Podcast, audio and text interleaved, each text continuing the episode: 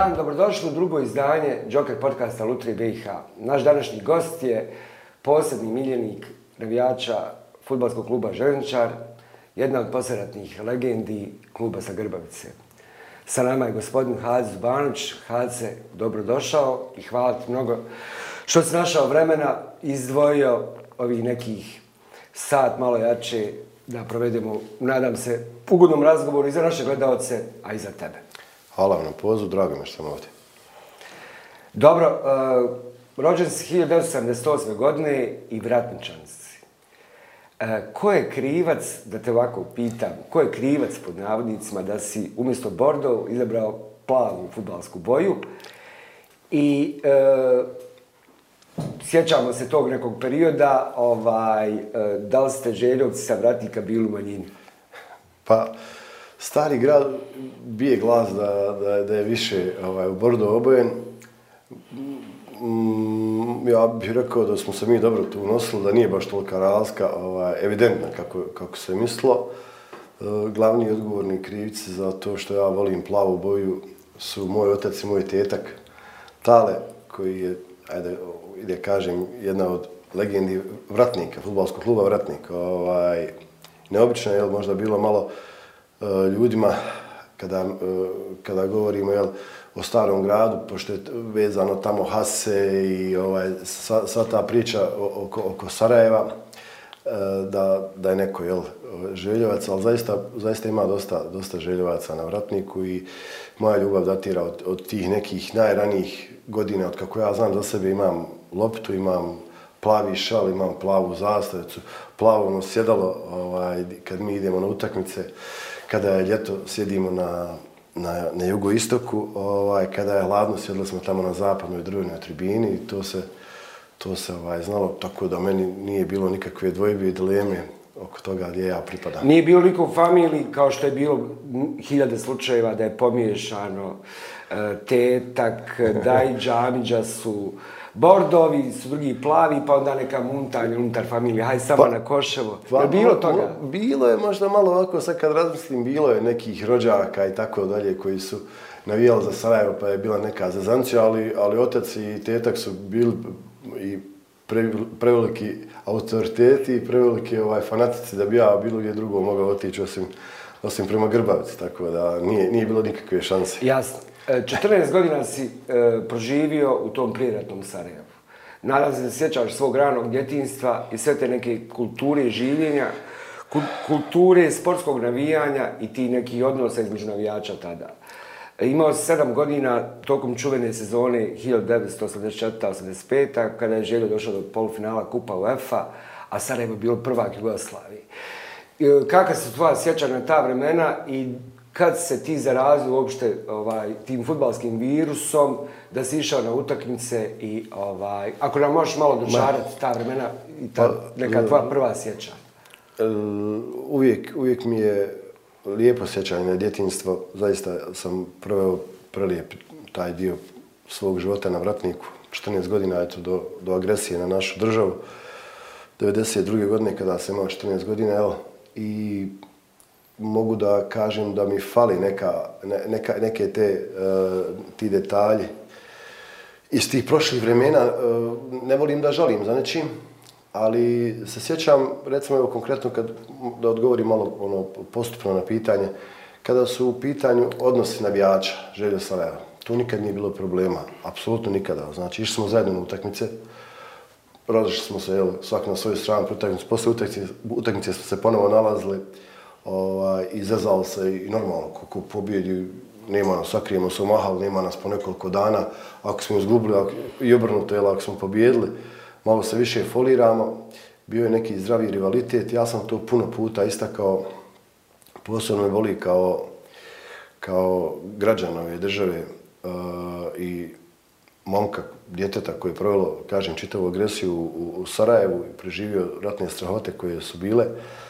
da se sada, evo, pogotovo neka ova, nazovimo, modernija vremena dešava situacija da se, da se ljudi koji su tu iz jednog grada, iz, iz malog grada, bez obzira što mislimo da je Sarajevo veliko, Sarajevo je mali grad, uh, da se ljudi uspiju jel, tući, udarati i da su spremni jedan drugi da, da, tako, da tako povrijede. Možda sam ja neki idealista, možda ja to malo previše rušio s tim ovaj, eh, naočalama gledam, ali, ali mi nismo nikad bili ni, ni Beograd, ni Zagreb, ni, nismo nikad bili, bili smo ono, imali smo, mi smo imali taj, tu neku dušu, imali smo taj neki merhamet, više smo bili ovaj, okrenuti jednim drugima. Tako se meni to učinilo i, i posle kad se krenula ta dešavanja sa navijačima, ja sam bio pravo tužan. I u nekoliko navrata, kad god su me pitao derbi, ja sam pričao o, o navijačima, govorio sam o tim detaljima da, da me kao, kao prvenstveno građana države Bosne i Hercegovine ovog grada boli to da se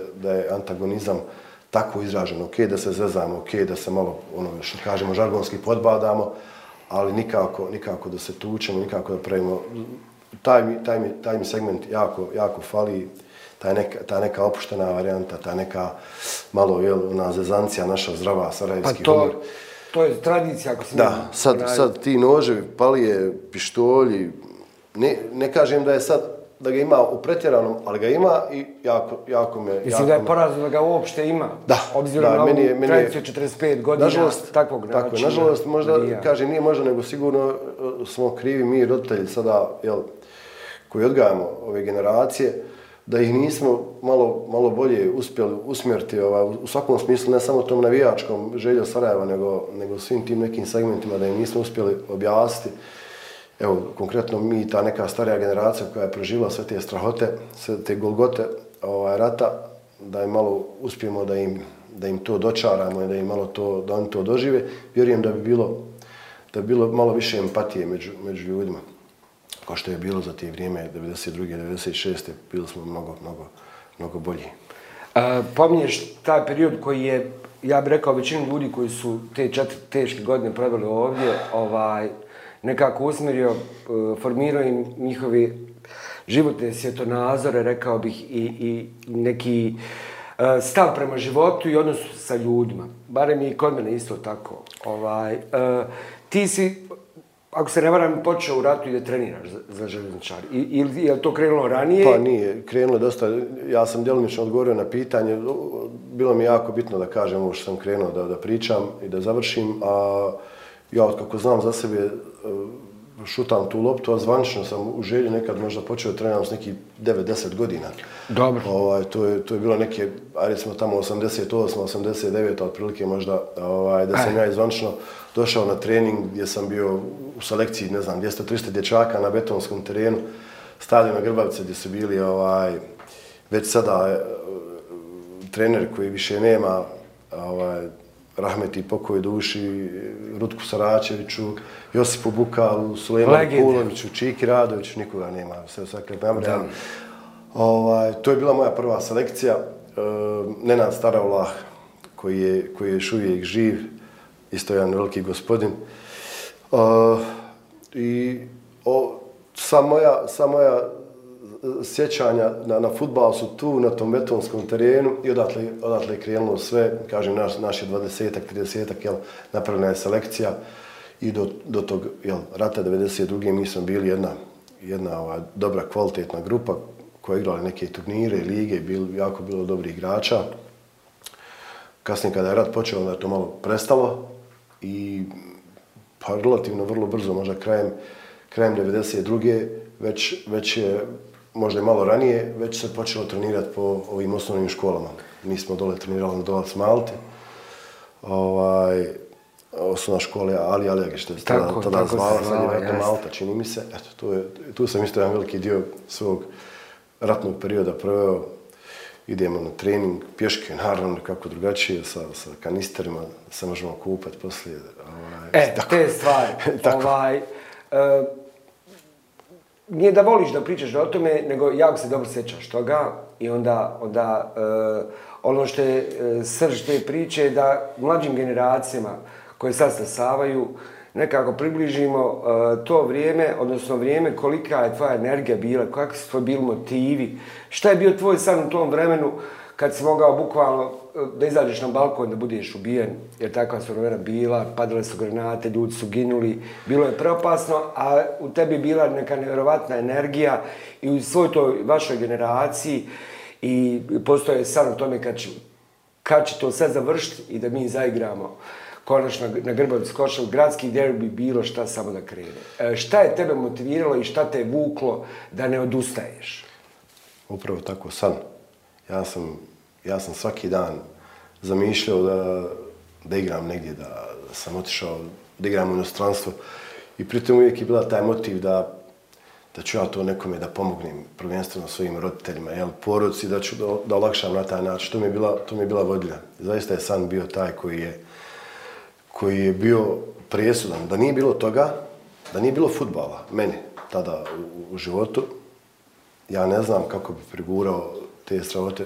U datom momentu čovjek zaboravi da može svakog trenutka da pogine i da, ovaj, ja, mislim, više po instinktu se kretale. Ja sam znao kad puca, kada, kada čujem da puca bestrzajni top sa, sa, sa Borija, ja sam znao gdje, gdje te, gdje te, gdje te granate idu, jes tako, otprilike, Tako da sam se prema njima i vodio i kretao. Ja kažem roditeljima, taj dan ja idem na vratnik, pošto smo mi preselili, neposredno pred rat smo preselili na Košarsko brdo. Ja kažem, idem na vratnik, oni ne kažu, ne kažu ništa, a mogu da zamislim sad iz, iz uloge ovaj, oca. moje oca, roditelja, kako im je bilo, kad ja kažem da idem, baš mi onako, ono, kod da ludo mi izgleda, ali puno puta sam znao pričati sa njim, oni kažu, šta da ti kažemo, da ostaneš ovdje, da ti nešto bude, ono, ne, nemamo sigurnosti da ti kažem, ili ostane kući, mogu izaći ispred vrata, da, da igram, da, da prohodam, šta ja znam, može da padne granata. Tako da je, taj san je zaista, e, ta čežnja i, i, i želja u koju ti vjeruješ je vodilja koja, nam, koja je meni lično, a i mnogim vjerujem tada, e, pomogla da, da prevaziđu sve te strahote i ona bi trebala uvijek da bude u ljudima. Znači, bez, bez čežnje, bez, bez nekog targeta tamo gdje ti zamišljaš da možda Nekog dođeš. višeg cilja. Tako je. Mislim da, da, da, da ljudi da upadaju u neku, neku silu, neku apatiju, neku... Ja, ja kažem, u tom, u tom ratu puno puta sam to spomenuo, bio sam mnogo sretan.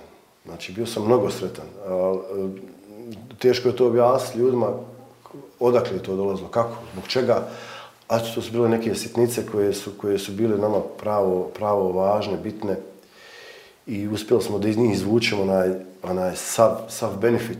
I sad, kad poredijeći sa današnjim vremenom, pa sa malo, malo prijeđašnom temom kojom sam govorio, pričam svoje djeci prvenstveno i onima koji, koji me slušaju, koji, do koji mogu doprijeti, da ono čovjek kad je zadovoljan sa sobom i kad je zadovoljan na nekim malim stvarima, onda, onda ide brže i zadovoljnije, zadovoljnije općenito sa sobom. I uspjeva. Kada nismo zadovoljni, kada imamo velike frustracije životne, onda, onda, onda kočimo, onda padamo, onda, smo, onda ide nekakva druga depresija i tako dalje. Znači, u ratu je najlakše bilo da pukneš, da, da ono što kaže, žargonski, da, da odlijepiš. Davali smo svi 300%, mislim je. da su izvlačili svi najbolji od sebe. To je, to je bilo. I bili smo najbolji, svi tako mi je, koji smo bili te četiri godine. Tako je. Uh, nekako milovala se suština života, ja bih rekao, te četiri godine. Pa tako je. To, o, neki dan sam to spomenuo, kako su bile svaka, svaka ovaj, ta zemljana površina je bila obrađena i nešto se tu sijalo i tako, tako dalje. I nije niko pomislio lisku da uzme od onog drugog. Znate što nije pomislio? Zato što je bio svjestan svoje prolaznosti svake sekunde da može da bude ubijen. Pa ću malo po tetku, jer ja sad majke mježim kada ovo pričaš pa ja, o ali, komšilku. Kako je komšilk funkcionisao? Rati, ma, mi smo to... kuhali, imali smo zajednički i, i kaze. Ali ovo, mislim, ja nisam uopšte se ni pripremao za razgovor, pričamo, pričamo da, onako spontano. Nisam. I ne volim, ne volim neke floskule, pričam onako Nis kako se, floskule, kako se osjećam, ali ovo je, ovo je sve u sklopu futbala nekog, ono možda koje bi trebalo bude tema ovoga, ali, je, ali nije, nije futbal, samo futbal kao bit, ono što se zađe na teren 90 minuta vidimo, to je, to je neka završna, to je na, na višnja gore. Na, to su tvoji početci kao, Tako je. ajmo reći, profesionalnog futbalere. Koliko je tu bilo profesionalizma kad je stao rat i krenuli prve sezone, sjećamo se svi, bilo je jako teško, para, ni od kuda, i onda dolazi sezona 9-7-9-8 i eto želji u finalu play-off.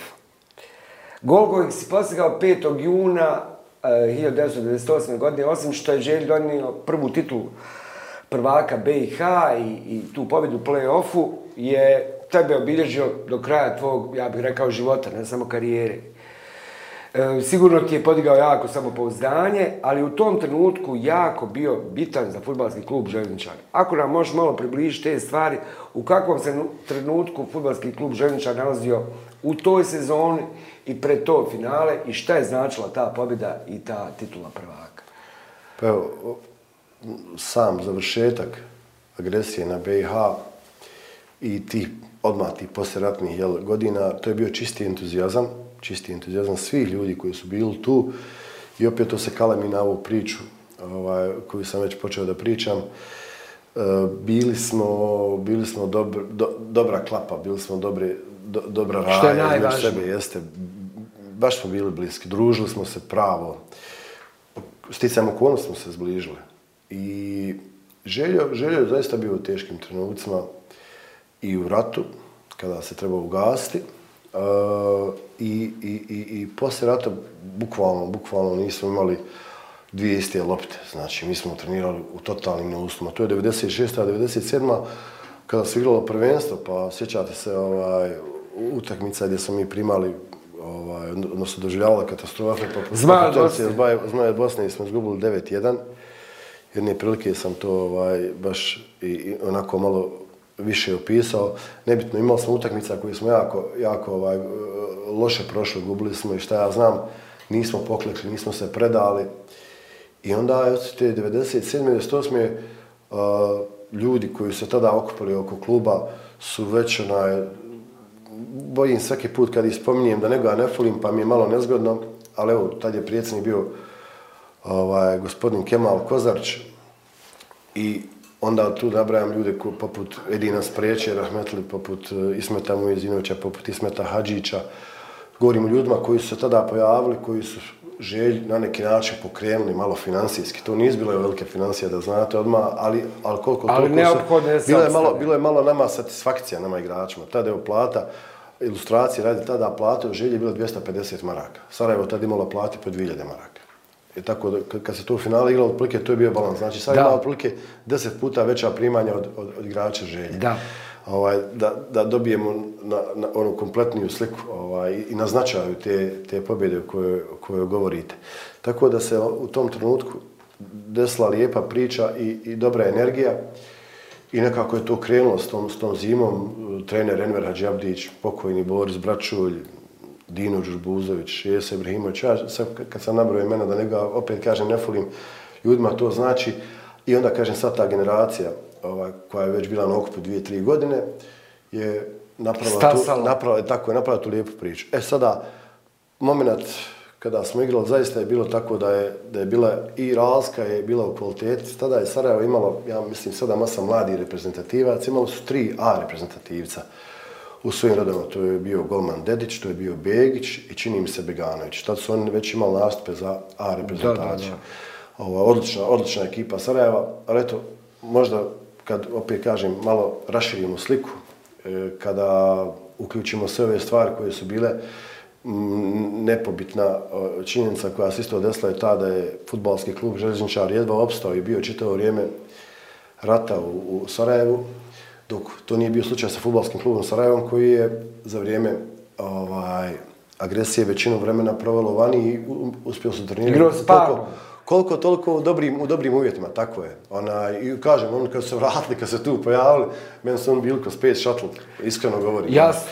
Ja sam se to znao zezat, mi, ja, ono, mi napravimo jel, ono, frizuru, malo šećera i vode, oni stavili neki gel zaškani, ja, ja mirišem na, na brut, oni mirišu tamo na kurus. Mislim, to je, to je, to je ova, tako smo se zezali. Zato je bilo veliko iznadženje ta, ta, ta Ta, pobjeda. Tako je, ali to je ta utakmica. Sarajevo je ušlo u tu utakmicu kao izraziti favorit i utakmica kako se kretala, sve izgledalo da samo pita, pitanje trenutka kad će želje primiti gol. Jeste, ali ću reći, ali, reći, reći iskreno, o, mi nismo se osjećali jednog trenutka outsider na terenu, u smislu da smo se bojali. Apsolutno nismo, jer smo mi tu u polsezonu jako dobro igrali. I često sam napominjao da smo mi tu u polsezonu krenuli sa 11. mjesta. Mi smo bili 11. mjesta.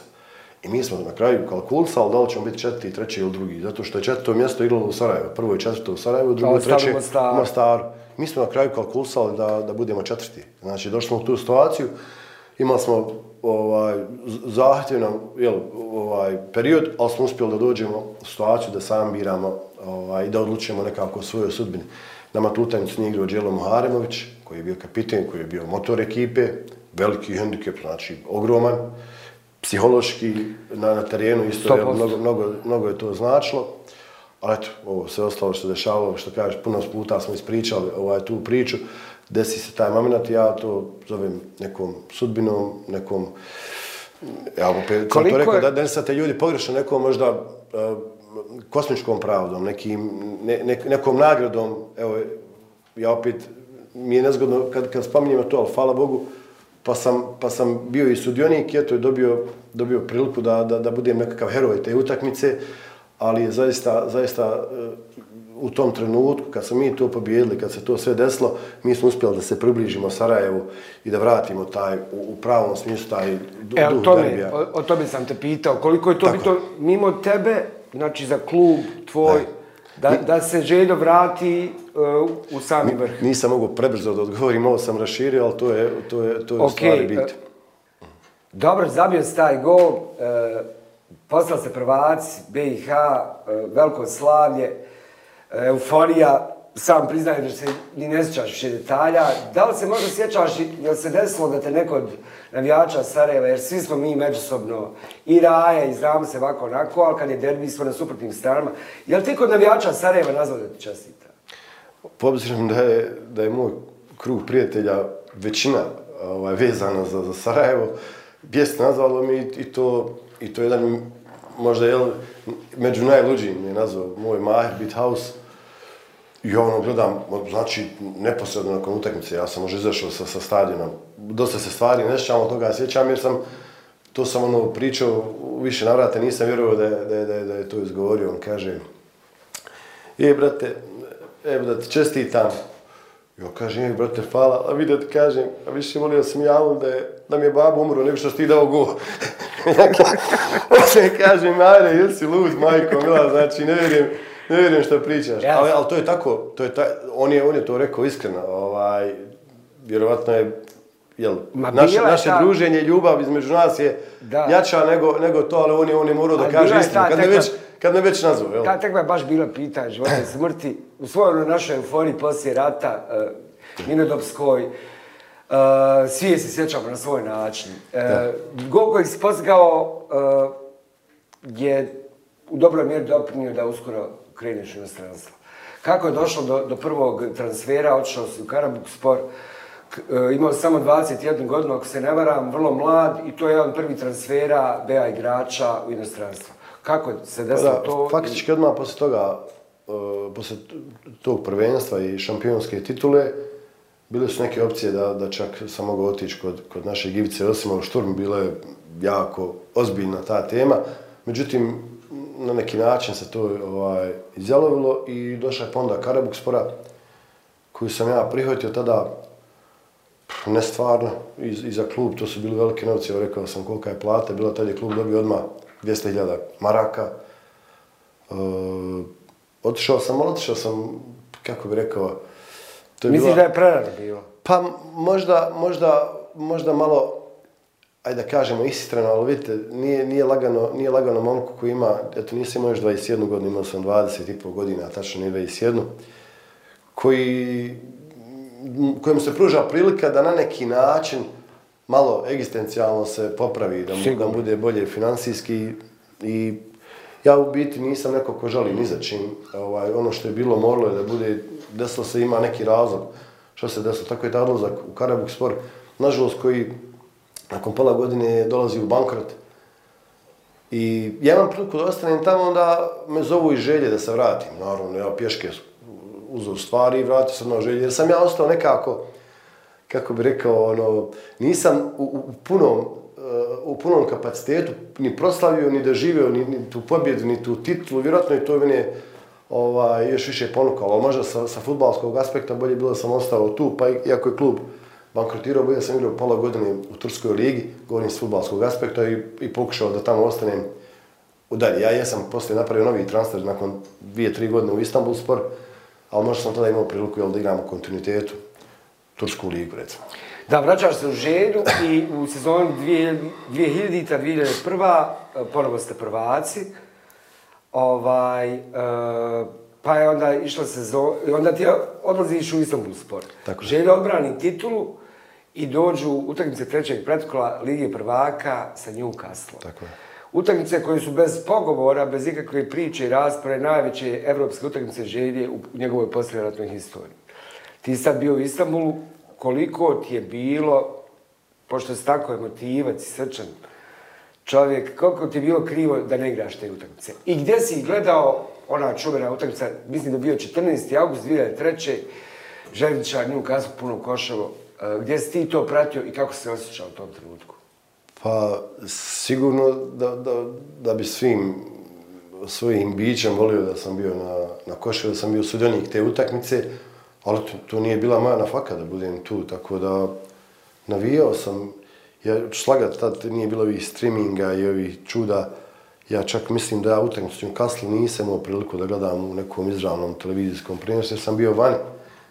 Jel to bila, sam tad već bio u, u Rusiji, moguće, Ovaj, čini mi se da jesam 2003. bio, već sam otišao u Rusiju. Nisam gledao utakmicu, ali definitivno jedna od najvećih utakmica. Pozit si pogledao snimak, sigurno. Naravno, naravno, koji je klub odigrao i, i puno koševo i... I odlična igra želje. Odlična igra, ta, tako je, tako je, tako je, tako je, tako je, tako je. Bi- Bilo je baš ono veličanstveno. I kažem, to su momenti ono za, za koje svaki igrač živi. Kako ne? nema, nema, nema puno prilika ovaj, da se takve utakmice odigraju. Uh, između 96. i 99. si nastupao za U21 reprezentaciju BiH. Imaš učinak 15 nastupa, 4 gola. Nisi dobio priliku nikada debituješ za A reprezentaciju. Šta misliš da je razlog, i ako nam možeš malo približiti te, taj period što se tiče reprezentacije i tvojih afiniteta, odnosno želja, nadanja, da bi možda mogao i, i za A da ne? Naravno, e, ja sam pozivan dva puta, sam bio pozivan na okupljanje reprezentacije kada je bio selektor Miša Smajljević koji me je odlično poznavao. Ali eto, i tad sam imao peh, imao sam malu povredu laganu, to je bila utakmica protiv Turske na košu kad sam trebao debitovati. Tad je debitovao, čini mi se, Marko Topić i dao je gol na toj utakmici. Ovaj, i- a Marko Topić ja smo se eto, upoznali u, u reprezentaciju 21. Ovaj, tada on je došao, poznavajući istog čovjeka, e, menadžera, ovaj, on, on se javio meni i rekao, rekao mi je taj taj da se javim, čini mi se Ilija Jukić. I tako smo se upoznali. E, eto, on je debitovao tad za reprezentaciju, a nisam, iako sam bila priprema u Sloveniji. Odigrao sam neoficijalne utakmice na tim pripremama, dvije, tri su bile neoficijalne prijateljske utakmice koje nisu zavedene ovaj, kao, kao zvanični nastupi. Naravno da mi je, da mi je žao što nema makar taj jedan zvanični nastup. S druge strane, ja zaista sam imao, uh, kada sam bio u 21 reprezentaciji, sam imao čast da, da gledam jednog Mehu Kodru, jednog Elvira Bolića, Elvira Baljća, koji su tada igrali poziciju koju ja igram i zaista je bilo ovaj, jako teško doći u situaciju, pored, pored svih tih imena, doći u fokus da, da, da se igram. Možda imao jedan peh, da su oni tada bili, kad sam ja bio u toj nekoj svojoj dobroj formi, da su oni bili tu i ovaj, bilo Da, malo otežano. bila- Tako je, desio se i peh sa, sa, sa povredom kad sam mogao da nastupim, drugi put, kažem, Jaka konkurencija. Barcelona, Fenerbahče, Real Madrid, tako nije, ja sam uvijek realan. Dakle, poslije igranja za Istanbul spor, uh, tvoj, e, uh, tvoj put, futbalski put, pečalba odvela te u Anžin Makačkala, pa je bio Velež, pa su bili jedini Arabski Emirati, pa je bila Poljska. Igrač si i čovjek koji se svega nagledao na tim destinacijama, svašta je bilo i imaš puno priča i anegdota. Mi- Čini mi se da je najživopisnije bilo u prijestolnici Dagestana. Uh, pa ako možeš par situacija, tipa one na plaži i one u avionu.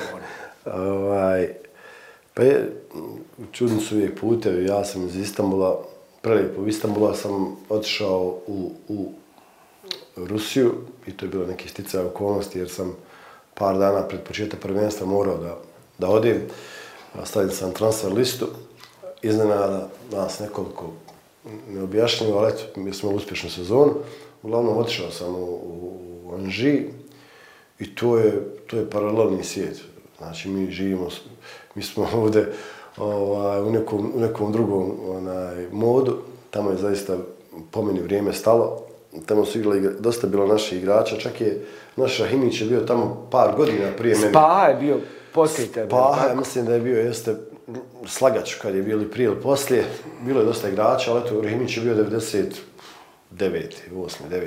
Prije se, znači, da. Da, ovaj, i to je jedan specifičan način života, jako specifičan način života. Uh, meni je bilo predstavljeno drugačije da, da idem u, u, u nešto ovaj, puno bolje nego što je zaista tamo u zbilji. Um, živio sam u nekom starom hotelu, može jedno, jedno 100, 120 godina starom, tako se meni barem činulo. U jednom malom sobičku s jednom malom televizijicom koja ima četiri ruska kanala. Internet imaš samo na zadnjem spratu na daje lap. Ovaj, I čitav život mi se sveo na sobu, trening i da se vratim. To ima, uh, ima policijski sat kad je prvi mrak. Što bi rekli kod nas, u prvi akšan izlaziš napolje. Ovaj, I meni je to bilo zaista u tom trenutku, ja sam bio i veženjen, imao sam i dijete i vidio sam da, da ću ih teško dovesti tamo. Mislim, gdje ću ih dovesti, jako je, jako je nezgodno. Zaista, zaista je drugačije, sve je drugačije. Tamo e, način života, ovaj, nama teško razumljiv.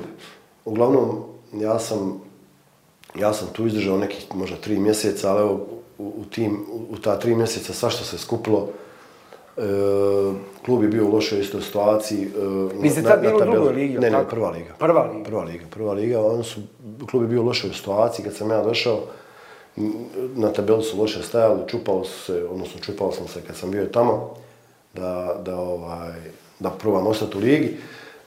Ali u svim tim, kažem, događajima bilo je dosta, dosta Balkanaca. To je jedan olakontni, olakontni pa, lakše se se zajedno okolnost, jeste, bio je Dženan Hošć iz Sarajeva. Tako. Ovaj, bio je Mučinović, naš golman, bio je Hamzić koji je igrao u Zvijezdi Gradačac.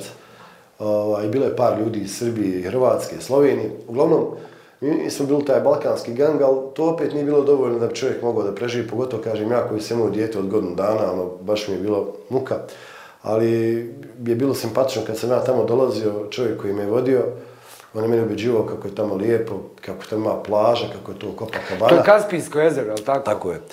I, on, i to fakat ima sve to. Ovaj, samo što to nije tako, ima i, ili to jezero ili more Kaspijsko, ima i ta Copacabana, Kofol, ta pješana plaža postoji ali na ima malo ljudi i ima, ima puno tuljana objenih onih tankerima koji, koji izbaci. I jedne prilike sam ja, ovaj, ovako bio, posle treninga, rekao da prošetam malo plažu, ono, čisto da, da, da, da glavu malo izbistrim. I ja hodajući sam došao do neke su trstike bile i tako. I htio sam prođem pored, tamo su se kupale žene, ono, obučene, one su pokrivene bile. I bio je čovjek sa njima, I sad ja mislio da sam ja tu došao nešto, jel, namjerno, ja sam sasvim slučajno šetao, nisu dvije, tri bile. Pa stvarno kažem, ona totalno, totalno obučene, ovaj, su bile, ja nisam u prvi moment ni skontao da su žene, u, u, mislio sam možda tuljan ili šta ja znam. I on kad je bio tamo, on je neki bradonja, malo stomak, onaj šorce, Kad on počeo ga lajem za onom ja sam preko plaže ispičio, znači, pobjegu, kažem, i onda sad sam smijem, govorim o me, nazvao ga, kažem, kakva Copacabana, čovjek me znamo ubio, nije na, na, na plaži, ganjuo me. Copacabana opasa po živu. Da me uhvatio, da me uhvatio, znači, to je. Onda, letovi, to znači tamo s avionim, to su većinom neki ratni avioni, preuređeni, ubačena sjedišta. Govorimo o drugom svjetskom ratu, tako? Pa, naravno, mislim, stari avioni, stari oni avioni, zato sam zaboravio već kako se zovu one, ovaj, ti avioni, znao sam dvije vrste ti aviona. I onda je ono pravi šok kad, kad ulazimo, kad ulazimo, kad se čekiramo, recimo, ima tamo ovaj, odmah pored čekina ima, ima jedan čiko mali, nabijeni ovako jaki, i on u tvoje torbe, on je baš onako veliki, on napravi jedan mali paketić, on mu su bandažira i ubaci, oh. da bi se napravila više prostora, on, on zgužava se, znači, on, on, presuje, on ih presuje, znači ovako dođe, u liku, u liku kocku dođe torba, jedna poveća, i onda je na ono, finalni šok je u avion kad uđemo i leti samo kokoš, ovca, koza. Znači, mogu životinje domaće u avion Znači, skupa. let, let, i, i, ima, ima da se držiš ko, Kombinovani. ko u tramvaju, držiš se kad, kad, kad polijeće. To, Kombinovana sjedišta, Znači, da. neko to kad, kad bi vidio, mora, moraš vidjeti da bi mi vjerovao. Znači, mnogo, ono, presmiješno je bilo. E, Presmiješno. Klub je, klub je uh, u neka doba, tamo su igrali i Roberto Carlos, Posle. Samuel Eto, ovo, ono, prošle godine je ugašen, to znaš. Ne, nisam. Ugašen, bili su treća liga, nema više Nisam dinara znao. i završen. Anži Ma- Makačkala više ne postoji. Nisam znao. Uh, šta je bilo interesantno u Ujedinim Arabskim Emiratima? Kako se zvao taj klub koji si igrao nakon Veleža? A, to je je- bilo tu nešto interesantno? To je Diba Fuđera, i to je bilo posle Veleža, posle epizode Velež. Velež je jedini klub u Bosni i Hercegovini gdje sam ja igrao, pored Želje. Možda sam odigrao nekih 8-10 utakmica, tad je isto Velež bio, odnosno Velež je tada ispadao iz, iz lige, a meni je bilo potrebno, to je bilo posle Rusije, da se vratim. Zaista sam dole odlično primjeni i, i uvijek imam samo lijepe riječi kad je to u pitanju. Zaista želim to da kažem. I iz tog vremena datira pretesta sa svim tim momcima u, u Veležu. E, otišao sam u, u Emirate, e, kažem, posle Veleža i opet mi se dešava to, jel, 2003. mi se rodila čerka i, i to je drugi svijet. Otišao sam dole, nenormalno je vruće, e, mnogo je, mnogo je, mnogo je teško za, za igrati i Kako- tad nije to bio taj nivo. Kako se u ta vremena igrala sezona? U kojim mjesecima? Od kad, dokad i kad Ma je oni pauza počnu, bila? oni počnu u, u augustu igraju neki, neki kup, igraju jedan kup Pa u augustu je kralja. preko 50. Ma, to je, znači, vi igrate utakmicu i na polovremenu skidam kopačke i stresem litar vode iz, iz, dvije kopačke. Znači, to je po, po 4-5 kila Si gubio na. Znači, Strašno. ja sam vidio, ono, da ne shvatite neko pogrešno ljudi, crnci, afrikanci, znači, koji ono, slove za, da mogu da trče. Oni su padali u desetoj minuti, ono, kolabriraju od, od, od te u tog teškog vremena. Uglavnom, nije bila lagana, nije bila lagana adaptacija, opet kažem, kad imate ovaj, porodicu, uvijek gledate da je i njima lijepo, da im je lagodno i da nekako to ovaj, bude, bude ugodnije, jel? Da boravak, da boravak i moj njov bude, bude nekako, ovaj, da kažem, normalni. Tad nije bilo toliko ni stranaca, tih godina tek je, ono, pomalo su dovodili neke strance, to nisu bila neka velika imena. Ovaj, meni, meni je godina evo, prošla, ono, ajde kažem, brzo, ali, ali uslovi su bili jako teški, ja sam imao priliku da ostanem dole, zaista nisam mogo. Čak sam u jednom momentu, oni su mi rekli, to i kapiten sam ekipe i tako dalje, ono kao dao su mi na značaju i htio sam da ostanem dalje to, ali nisam, nisam mogao da, da, da to Kako, nekako... kako odlazi do, do odlaska u Poljsku i ko je tvoj agent tada? U ta vremena? Ma, o agentima najradije ne pričao, onaj, jer tad to je bilo puno, puno drugačije i, i primitivnije kad se radi o, o, o tim agentima i moja, moja motivacija kad sam krenuo da radim, da se bavim tim poslom su bili ti ljudi koji nisu radili taj svoj Odnosno posao. da budeš potpuno ko, suprotan Tako, njima. nisu ga radili časno, nepošteno. Meni je prevelika obaveza i manet kad imam neko dijete da, da, ga, da ga vodim, da ga usmjerim tako dalje. Uglavnom u Poljsku sam otišao opet, to je, to je ono, kada kažemo životne priče. Spomenuo sam Dženana Hošća, e, koji je bio Anžiju. Dženan Hošć je bio u Poljskoj, Jadmir Rađem isto iz, iz Želje. Uh, u isto jednom momentu kad se, moj povratak ponovo je bio, odnosno odlazak u Poljsku je bio o, posle povratka u Želj, ponovo se vratio u Želj kada je došao za trenera Jerži Plišek, ali nakon pola godine po nekim čudnim okolnostima uh, sva djeca futbolskog kluba Ženičar su tada stavljena na transfer listu. Da. Ovaj, to su pravo, pravila se neki, neki, neki novi DNK želje i nas osam, bukvalno osam e, maka koji su tu ponikli, ovaj, su stavljeni na transfer listu. I ja sam, eto kažem, sticajem okolnosti, poznanstvom sa, sa Dženanom i sa Adžemom, ali tad je Dženan bio ovaj, u tom već klubu, Adžem je bio u drugom, ali trebao i on da dođe u Zagreb, tako smo nas trojice igrali u tom Zagrebu s Osnovice. Ja sam otišao tamo na probu, na probu sam otišao u drugu ligu Poljske. Dobro. Nisam imao izbora. ali mi nije bilo ni strah, ni stid, jer prvo imam porucu, moram da preživim, drugo vjerujem, uvijek sam vjerovao u sebe, uvijek sam vjerovao da, da mogu da, da pokažem, da znam, u najmiju ruku da me ostave.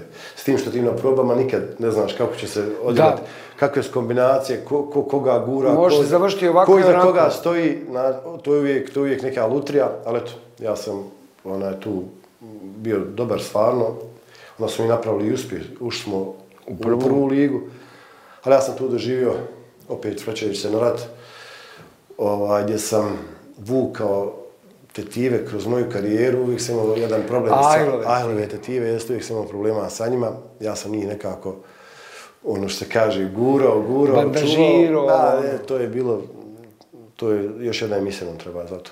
Uglavnom nisam, nisam uspio, dobio sam hronično upal tetiva, obje. Da. 29. godini sam prestao igrati. U 29. rekao ti u najboljim godinama prestaješ igrati. Siguran sam da, da to nije lako palo, ali nisi ti puno nešto ovaj, bio u, u nekom bedu. Znam da si brzo počeo ovaj, da učiš za trenera, licenci spok. Tako. Međutim, na kraju desilo se to da si postao futbalski menadžer. Kako se desio taj prelaz, odnosno e, kako si došao do ideje da ti to možeš raditi?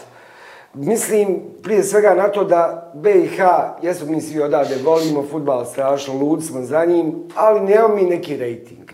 E ti, ti si krenuo da budiš međunarodni futbalski menadžer, a dolaziš iz Bosne i Hercegovine. Kako je sve to išlo ako možeš? Pa, mi uvijek opcije imamo, ono, u životu imaju dvije opcije, imaš lijevo i imaš desno.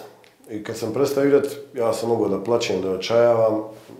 Ja nisam, nisam naučen, naučen sam da se borim uvijek da, da probam da izađem iz situacije u kojoj se nalazim. Meni je uvijek futbal bio prva i najveća ljubav i ja sam sebe uvijek vidio u tome. Jednostavno, nisam htio da, da pobjegnem od, od sebe. A paralelno s tim, jel, sam kad sam ganjao trenersku licencu, ja sam krenuo jedan biznis koji je navičan bio, ja sam otvorio apoteke sa svojom menšanom kumom.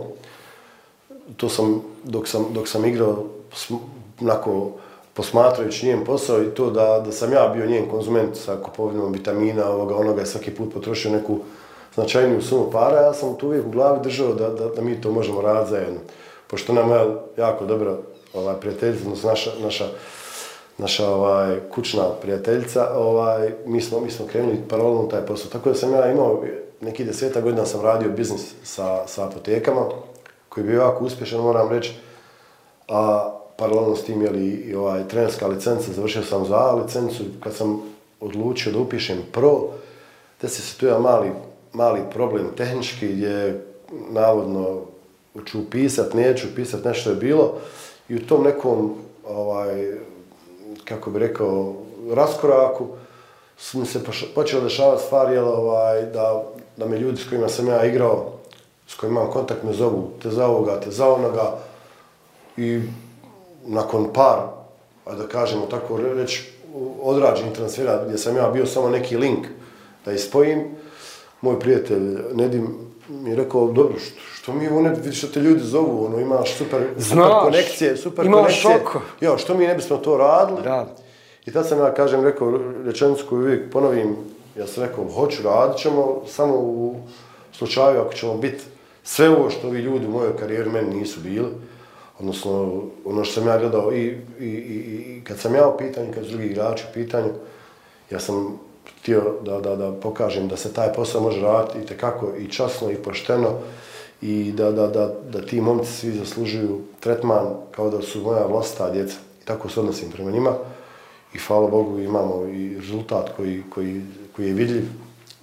Eto, tako je, to, to je, to je, krenuo, to je krenuo neki put i onda smo to polako odmotavali, bilo je tu puno i, i uspona i padova, anegdota, i, ali sve su to škole koje su kasnije nama, nama valjale u našem poslu. Da, svakako i probili ste se, e, sad radite sa nekih, ispravno ako griječi 15 igrača, uglavnom su BH igrači, e, jako puno radite na turskom tržištu, gdje postižete najbolje rezultate, mada ima tu sad kombinacija. E, e, Vizavi toga što radite puno na turskom tržištu, siguran sam da jako dobro pratiš tursko prvenstvo, turske klubove, turske igrače i njihovu reprezentaciju.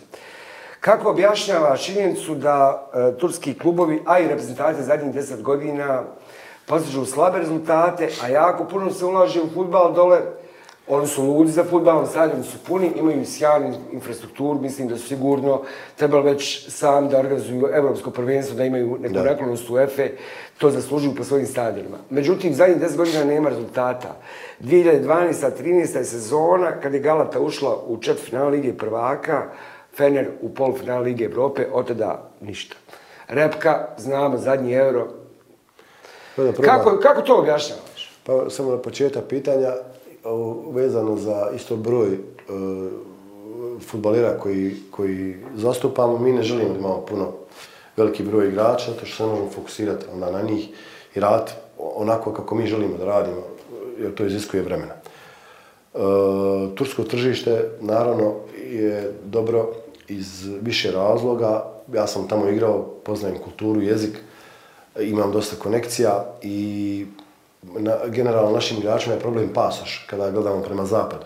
Uvijek su neke otežane okolnosti kada naš igrač dolazi uvijek su neki dodatni porezi, neke, neko ekstra... Na primjer, Lige PC? Bilo gdje, vjerujte mi, Austrija, Njemačka, Italija, uvijek su, uvijek su, uvijek su, tako je, zapadna Evropa nam je malo teža, radili smo transfere, evo, poput Rijada Bajića kojeg smo vodili u Duneze, ali to je, jel, kada dođe on taj fokus, da on će platiti, da nije problem to što se ima, što su otežane okolnosti kada je u pitanju kvalitet. Ali, probati biti pari sa, sa Hrvatskom, Slovenijom, nam je pravo, pravo teško zbog, zbog pasoša. Tako da smo okrenuti turskom tržištu, koje poznajemo jako dobro. E, sve se slažemo i oko reprezentacije, oko ekipa. Ove godine ćemo, recimo, Galata i Ferneć imati predobre ekipe po imenima. Oni imaju isto jedan e, problem javašluka, bez obzira na to sve što, što ulažu, što imaju ogromne, ogromna sredstva, imaju infrastrukturu fenomenalnu, oni, oni su kampanjci, nisu, nisu, nisu e, nacija koja, kad je u pitanju sport, koja ima kontinuitet, oni su veliki radnici kad ih gledate individualno kao naciju, to su naj, najvredniji ljudi na svijetu po meni, ali recimo kad su pitanje ove stvari sportske, oni nisu, nisu napravili sistem dobar i zbog toga ne mogu da naprave dobre rezultate.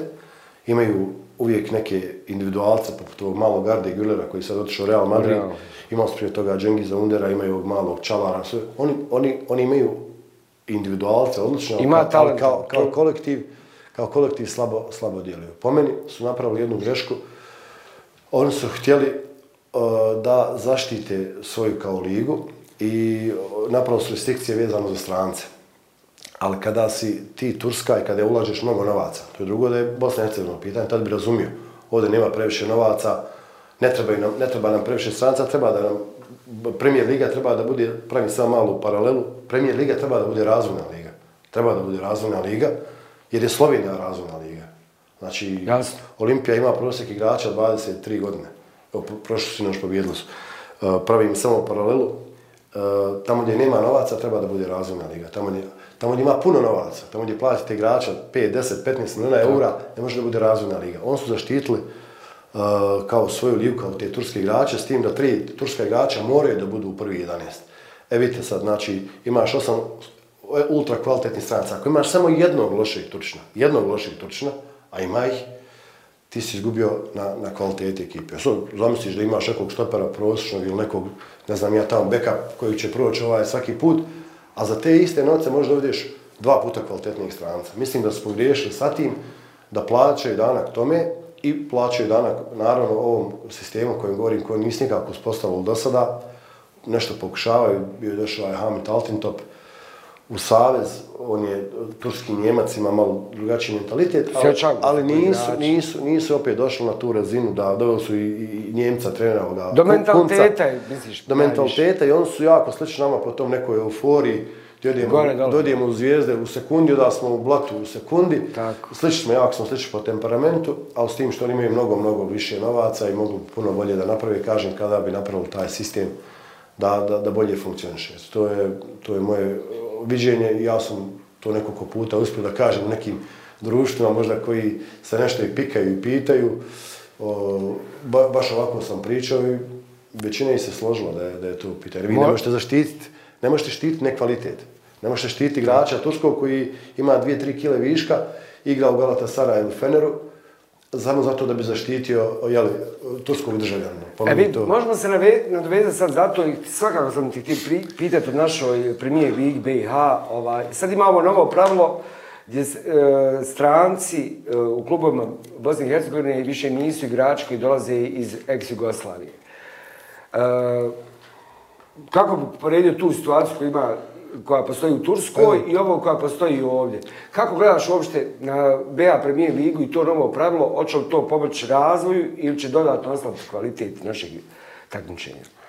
Pa, evo, već sam rekao, BH liga treba da je razvojna liga.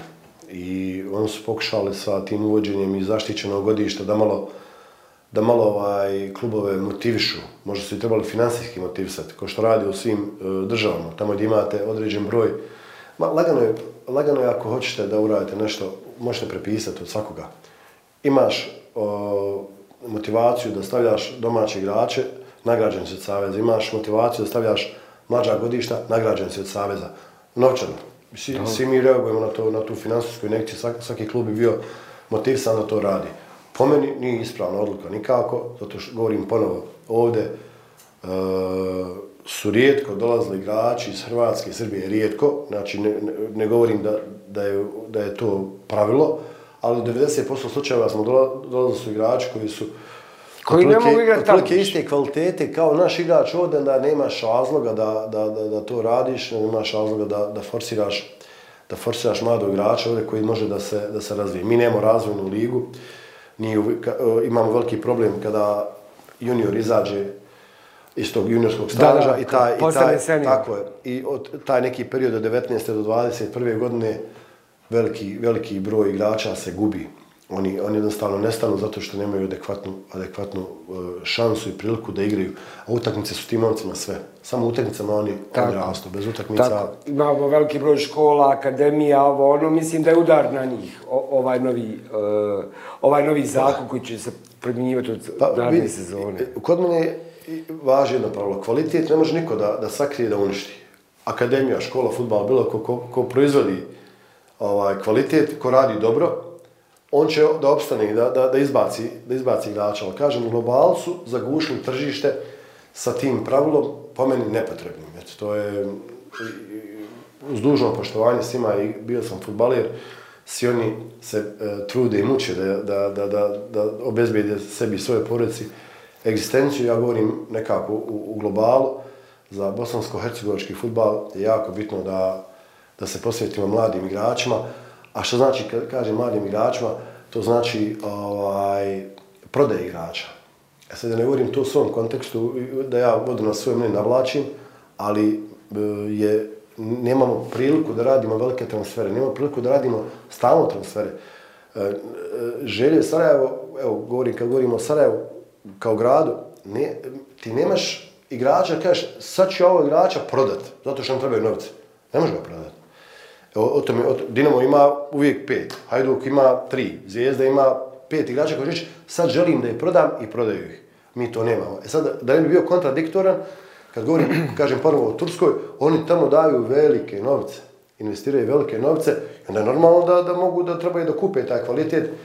Ovaj, paralelno trebaju da proizvode svoj, svoje, ali kroz, kroz taj sistem o kojem sam već pričao. Ovde, ovde ne znam šta dobijamo. Šta, šta Bosansko-Hercegovačka liga dobija sa starim igračima, isluženim, kojeg ne može predati, kojeg plati dosta solidno. Treba igrač, pitati ljude koji dođe. Igrač sa strane, kad dođe, on je, on je, on je, on je skup. Odmah je skup. Plaćaš mu dodatno hranu, plaćaš mu dodatno smještaj. Ima, odmah su neki dodatni tu poreze.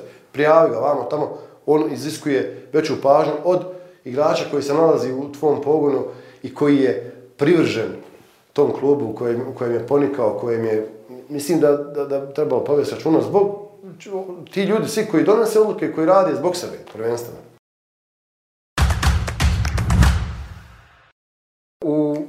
U svijetu kojem se krećeš poslovnom, uh, u prilici da se, e, da se vrlo često kontaktu sa sportskim menadžerima, odnosno kako se ta funkcija negdje dugo zove direktor futbala pojedinih klubova. Uh, upoznao se i dosta u inostranstvu i, i imaš nekako viziju, prepostavljam, kako ide taj posao i kako se ti ljudi postavljaju. Isto tako vjerujem da znaš puno ljudi koji se tim poslom bave ovdje uh, na našem tlu kakva je razlika u pristupu i šta bi naši sportski menadžeri u domaćim klubovima trebali da poprave u svom nekom stavu da bi se svi ti klubovi malo popravili jel, po rezultatima. Pa, kao što sam rekao malo prije, stvar je e, koliko neko želi da proširi svoje, svoje vidike. Vrlo lagano je otići bilo koji klub, dobiti dozvolu bilo, bilo koje kluba, da, da, da, malo, da, malo, tako, da, malo, da malo posjetite klub, da malo pitate kako on radi, ka, koja je struktura kluba, šta je, šta je target, šta, su, šta, šta klub želi da napravi u, u jednoj godini, u pet godina, u deset godina, svi ozbiljni klubovi imaju, imaju viziju. Ova, mislim da je to prvo i osnovno. E, biti sportski direktor je i lagano i teško u našim uvjetima, ali opet e, mislim da ljudi, evo, sad ću reći, evo Samir Bekrić u želji, ono, imamo i, i, neki kontakt fin i šta ja znam, komuniciramo zato što je on iz svijeta futbala, e, tek izašao iz Kopački, mnogo razumije problem igrača i odlična je, odlična je spona između, između i, i terena i administracije i on, on recimo, ja uzao sam ga kao primjer, u klubama bi trebali tu funkciju da obnašaju ljudi koji su bili na terenu, većinom, e, zato što poznaju problematiku, čak nekad ne trebaju da pričaju kad vide situaciju, oni znaju gdje, gdje je problem, mogu brže da odreaguju, ali, je, ali opet ponavljam stvari koliko želiš da se edukuješ, koliko želiš da napreduješ. Kad sam rekao ovo da je Sarajevo mali grad, nekom je kažem Sarajevo je, je ovaj, veliki, ali kad malo proputujete, kad malo šetate, hodate, onda vidite da, da baš, jeli, nije, jes najljepše, ali nije, nije najveće, na, meni je najljepše.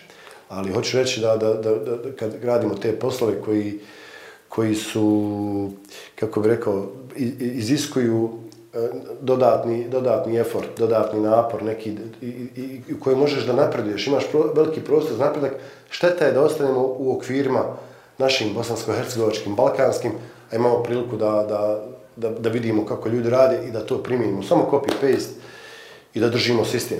Znači, to je jako bitno. U, u futbalu, u sportu općenito je bitno da, da, da imamo taj sistem i, i da ga slijedimo.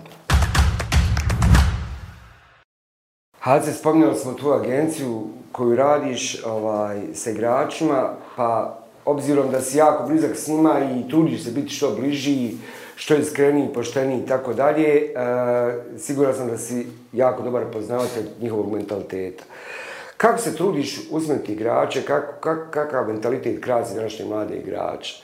U tom svjetlu, e, kako se trudiš pomoći svom sinu Farsu, koji je aktivni futbaler, ima, ako se ne varam, 23 godine. Kako ti utičeš na njega i svog iskustva i igrača, i menadžera, i, i čovjeka koji radi, uh, radi u futbalu?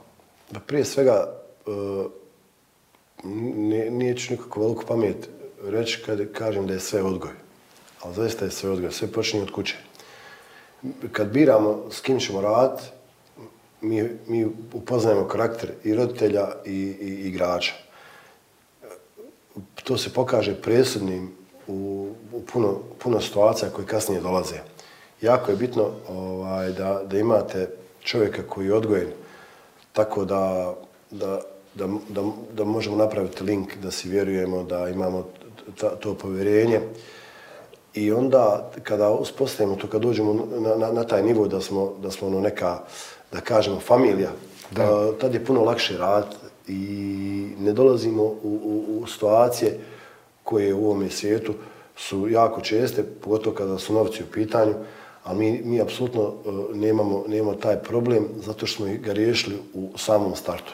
I sad, naslanjući se na, na, na pitanje o, o Farsu, ja tretiram Farsa kao i Amira, i Rijada, i Višću, i sve te momke koji su tu, i tretiram isto, imam isti pristup prema njima, roditeljski zaštnički u isto vrijeme, a onda e, gledamo da, da smo jedni prema drugima iskreni i mislim da nikad nije bilo lakše biti futbaler. Nikad nije bilo lakše biti futbaler ili bilo koji drugi ovaj, sport da je u pitanju, zato što, se, što se nauka ovaj, koja, koja je neizostavna u ovome segmentu sporta toliko daleko odšla, da ti ona daje odgovore na sve ono što bi ti trebao da radiš da bi, da bi uspio. Ima jedan mali segment, jel, to, je, to je neke sudbine, sreće, um, neki momenta koji se mi ne pitamo. Ali ono što je do nas da mi odradimo, mislim da nikad nije bilo lakše igraču da, da postane igrač, a u isto vrijeme mu je jako otežano zbog svih ovih trendova današnjih koji postoje, ovih društvenih mreža, ovih pomama nekih gdje, gdje puno njih želi... Gdje nema privatnosti. Nema... Tako, gdje puno njih želi da, da, da to nekako uh, balansira uporedo, a to je uh, te društvene mreže, uh, igrice, uh, sve te stvari uzmeju energiju, uzmeju fokus. I onda je uzročno posljedično. Kada ti dođeš takav na trening, nenaspavan, nefokusiran, da si se povrede, on kaže kako meni, ali je, ima, ima razlog što se nešto Imamo primjer Dembele iz Barcelone koji je po cijelu noć igrao i, i bio Čovjek jako veliki talent. Čovjek koji je plaćan 120 miliona eura. Je. Strašan talent zbog tih igrica mu karijera. E, tako je. Nizbrz. Tako je. U, u, biti, u biti, kada biramo, biramo, pokušamo da biramo dobre karaktere. Onda je lakše kad imaš, kad imaš dobar početak, onda je lakše to sve ovaj, drugo štiklat praviti. Barem je to bitno koliko je talent, da je karakter. Mnogo bitno, mnogo bitno. Danas prosječan igrač, prosječan igrač sa prosječnim znanjem futbalskim može da bude vrhunski. Ako je karakter pravi. Ako je karakter dobar i radnik i vrijedan i poštuje ove se stvari koje, o kojima pričamo. Znači, ništa ja neću ovo reći, ali, ali to uvijek moraš poti. Ja ponovim to u svom djetetu. Spavaš na vrijeme, ustaješ na vrijeme. Jedeš kvalitetno, odmaraš kvalitetno. Treniraš kvalitetno ja ne vidim, ja ne vidim kako neko može da ne uspije, ali zaista, zaista to ne, ne, ne vidim, osim ovog, kaže, malog dijela koji ja zovem sudbina i nešto što, što, što, što je uvijek, jel, kod svakog čovjeka, neko je mogao da bude, jel, nešto pa se desilo, sabraća nesreća, on je uticao na to ili uticao, ne znam, ali, ali, ali je, je van, van njegove kontrole bilo će se nešto desne predviđeno. Ali ove stvari koje, koje su predvidive i koje ti možeš da radiš kao individua, ne možeš, ne možeš mi objasniti da, da, da, da, da i ne možeš šati. Odnosno, ako i ne radiš, da ne možeš da očekuješ vrhunski rezultat. Vrlo je, vrlo je jednostavno. Da, nema neke filozofije. Tako, jer, jer sada se, vi, sad, vi sad trčite na, na, na treningu, čovjek je tamo sa laptopom i kaže on, odmori ovoga, odmori ovoga, ako ne igrite. Znači, kad ja me držim stalno R2, kad sam ja igrao na, na, na, na Playstationu, i ono ga samo gargam da trči. I onda on ne može jednik, ono crveno je i, i pada. Yes. Tako da nas igrači imaju na treningu i to je, to je standard. Ti vidiš ko je umoran, ti vidiš ko je pred povredu, ti vidiš ko nije dobro spavao, ti vidiš, znači, Sve ne možeš prati, ništa ne... sakriti. Da. Neki dan sam bio u kampu Trabzona i sjedio sam s trenerom i on pokaže im analizu. Edin više, i dan danas najviše pratiše na treningu, treningu Trabzonspora, ima 33 godine, dok igrač od 21 godinu je trčao u prosjeku manje od Edina ukupno tog što su bili, slagaču ekipa je trčala neki 80 km po treningu, u nekom okviru on je trčao 56. I on je sad kao, jel treba da ide iz kluba, on je ljut što treba da ide iz kluba. Jer je on toliko zabušavao, on je mislio da može zabušavati. Prije sam mogao zabušavati u vrijeme ovih trenera kad sam sad, ja... Sad sve skeniram. Sad si, sad si, sad ne možeš ništa sakriti. Vrlo je, vrlo je uh, vidljivo i opipljivo to što radiš ili to što ne uradiš. Znači, vrlo je, vrlo jednostavno. Ja, on dođe tebi izmerite, kaže on, malo si spavao, staviti onaj prsten, staviti da, sat. Da, da. Kaže, što si ovako kasno da vidim zaslon, da vidim zaslon telefona. Nije dobro. I, i vrlo, je, vrlo, vrlo im je jednostavno da, da, da, da dođu u situaciju, da, da, da tu naprave onaj selekciju, ko, ko želi, ko ne želi. E, to je to. Dobro, super radiš i onaj, uspješan si u svom poslu, siguran sam da ti je zadovoljstvo. E, zadovoljstvo ti vidjeti i, i ovaj, svoju porodicu svetu i zadovoljnu i svoje klijente i sve tako dalje. Međutim, navijači željničara s kojima smo počeli u priču se nadaju da bi ti jednog dana ipak u bližoj ili daljoj budućnosti mogao da doći na neku funkciju u tvoj njihov FK željničar. Kakve su šanse za to? Eto, iz ove perspektive, bez ikakvih obećanja, ne moraš ništa. Viš, meni se odmah smije razvuče kad ti spomeneš želju. Da, da, da, emocije ne možeš sakriti. Ja. ja sam uvijek u želji. Znači, u svakoj situaciji sam u želji. To znaju ljudi kroz godine od kako sam se vratio, da sam tu. I da zaista, koliko je u mom domenu, pomaže. Je li to ljudski, ljudski ovaj, odnosno moje vrijeme, ili to finansijski, nije ni to problem. Oni znaju da sam ja tu. E, posao koji radim mi ne dozvoljava da radim radim nešto profesionalnije pri klubu. Projekte koje sam ja krenuo da radim, koje sam otvorio su jako zahtjevni, iziskuju puno vremena i, i, i energije.